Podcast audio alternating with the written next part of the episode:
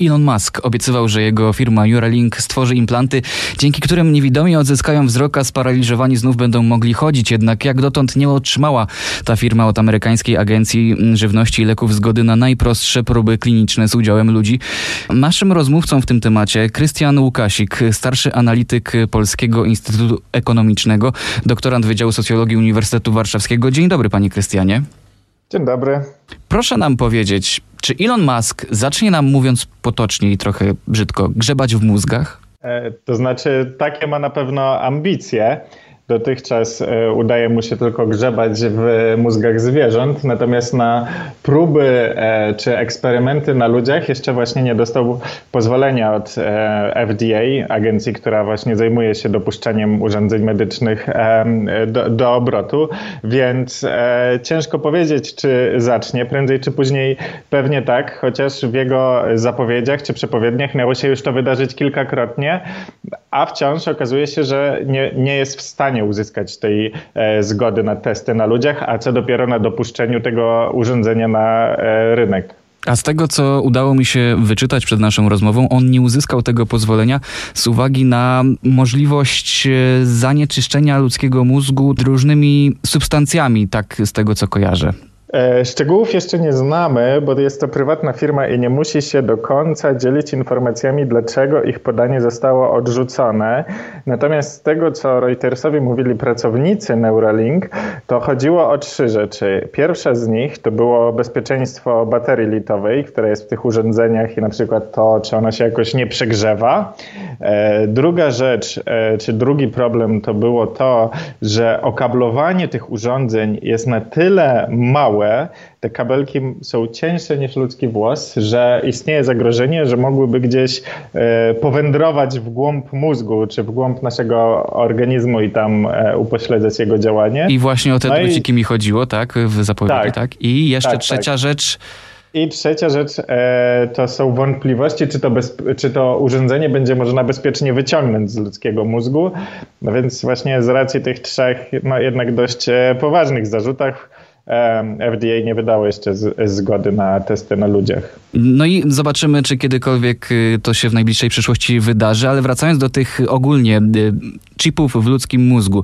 No aparaty słuchowe czy protezy kończyn to nauka i medycyna zna już dobrze, jednak no wszczepienie takiego chipa w mózg no wpłynie na funkcjonowanie naszego myślenia. To chyba rewolucyjny krok. Czy w ogóle my ludzie jesteśmy gotowi na takie podkręcenie naszych możliwości umysłu? To znaczy tak, firm, które takie urządzenia e, neuromodulacyjne wszczepiają w ludzkie mózgi, jest e, przy, przy, przynajmniej e, kilkanaście. Tak naprawdę no, już mamy mm, do czynienia z setkami tysięcy pacjentów, którym takie urządzenia się wszczepia, na przykład osobom sparaliżowanym, żeby mogły za pomocą myśli wpisać jakieś wiadomości, czy pacjentom, którzy mają chorobę Parkinsona, więc do takich no powiedzmy e, w jakimś tam cudzysłowie prostych, e, prostych e, schorzeń, czy może jakby prostych... No tak, w zamyśle tych firm jest pomaganie osobom, które mają niepełnosprawności, a podejrzewam, że tak. Elon Musk nie tylko będzie chciał skupić się na tym, ale jako multimiliarder i biznesmen będzie chciał także być może w później w przyszłości przelać to na rynek komercyjny, czy taka zdrowa zdrowa osoba będzie mogła sobie jakby y, pomóc chipem. Dokładnie. No tu podniósł Pan bardzo ciekawą kwestię, bo tak naprawdę to, mm, że Elon Musk mówi, że chce pomagać e, chorym osobom, to jest trochę wynik tego, jak skonstruowane jest amerykańskie prawo, jeżeli chodzi o eksperymenty na ludziach ponieważ one mogą się wydarzać, mogą mieć miejsce tylko i wyłącznie, jeżeli mają na celu wyeliminowanie jakiejś choroby. Więc te firmy, nawet które właśnie mają takie ambicje, żeby poprawiać zdolności e, kognitywne ludzi zdrowych, czy jak to mówi Elon Musk, zmienić nasz cyborgi, no to właśnie nawet e, te firmy gdzieś tam muszą cały czas e, przeprowadzać e, badania i robić ten swój research gdzieś tam między innymi w celu no, na przykład pomocy osobom z Alzheimerem czy z Parkinsonem, ale no, to też jest jakby źródło problemów e, Neuralink, ponieważ w odróżnieniu od wielu, innym firm, wielu innych firm, którym się udało uzyskać takie pozwolenie FDA. Oczywiście to nigdy nie jest jakby pro, prosty proces. Wiele z tych firm walczyło kilkanaście lat, żeby móc takie urządzenie e, wprowadzić i bardzo dobrze, bo nie mówimy tutaj o e, samochodach czy rakietach, tylko jednak urządzeniach, które są wewnątrz naszej czaszki, więc e, dobrze, gdybyśmy mieli pewność, że są to bezpieczne urządzenia. No, natomiast tak jak mówiłem, te problemy wynikają z przesadnych ambicji Elona Muska, ponieważ on obiecuje wyleczenie schizofrenii, autyzmu, depresji, a nawet e, telepatię, przeglądanie internetu naszym mózgiem, czy, i tu już dochodzimy do takiego trochę absurdalnego punktu, zapisywanie i przeglądanie naszych e, wspomnień. Więc no, takie cele po prostu jest ciężko osiągnąć i być może właśnie dlatego e, nie udaje mi się uzyskać tego pozwolenia. Gdyby te ambicje były mniejsze, mogliby się skupić na czymś prostszym, co faktycznie jest realne do wdrożenia i gdzieś mogli już zacząć eksperymentować e, e na ludziach z tymi swoimi urządzeniami, no ale właśnie ze względu na te przesadne ambicje jeszcze, jeszcze gdzieś tam się zatrzymują na etapie zwierząt.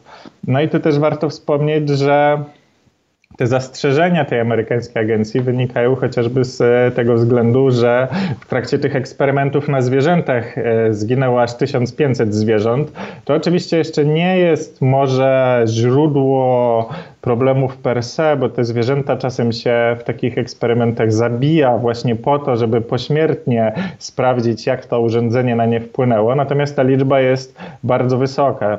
Niektóre firmy, które takie urządzenia czy podobne wprowadziły, gdzieś tam w swoich testach uśmierciło 80 zwierząt. No tu mamy 1500, więc ta liczba jest um, znacząco za wysoka. I nie można sobie wyobrazić sytuacji, gdyby miałoby się to przenieść na ludzi, tak? No dlatego pewnie też te pozwolenia nie są wydawane. A jeszcze na koniec jedna kwestia.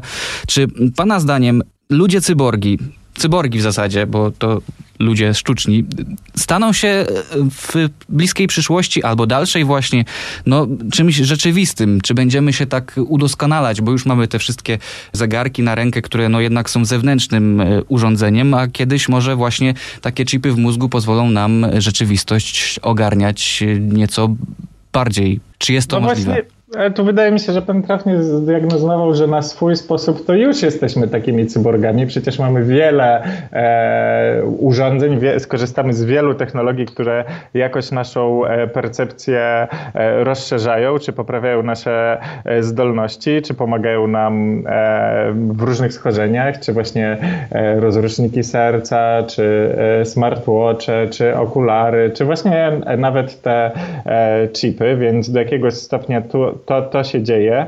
Czy zrealizuje się taka wizja rodem z filmów science fiction, że będziemy mogli widzieć na odległość e, mm, dziesiątek kilometrów i słyszeć dotychczas niesłyszalne dźwięki, czy komunikować się e, telepatycznie? no to w jakiejś mhm. takiej najbliższej przyszłości ciężko mi to sobie wyobrazić. Wydaje mi się, że czasem przeszacowujemy e, poziom e, rozwoju technologicznego, na którym jesteśmy jesteśmy. No, natomiast te wszystkie wizje są gdzieś tam podsycane właśnie przez tych technologicznych miliarderów jak Elon Musk, żeby generować wokół siebie szum, zainteresowanie, pozyskiwać fi finansowanie na te mm, technologie, więc e, no do pewnego stopnia już jesteśmy cyborgami, a czy będziemy, e, czy będziemy niedługo mieć możliwości jak Terminator, to szczerze wątpię. Tak samo jak w latach 90. myślano, że w latach, w których my teraz obecnie żyjemy, będą już latające samochody, a ich nie ma, więc może tak też będzie z tymi cyborgami. Bardzo dziękuję e, za rozmowę. Krystian Łukasik, starszy analityk Polskiego Instytutu Ekonomicznego i doktorant Wydziału Socjologii Uniwersytetu Warszawskiego, był gościem Radia RMF 24. Dziękujemy. Dziękuję.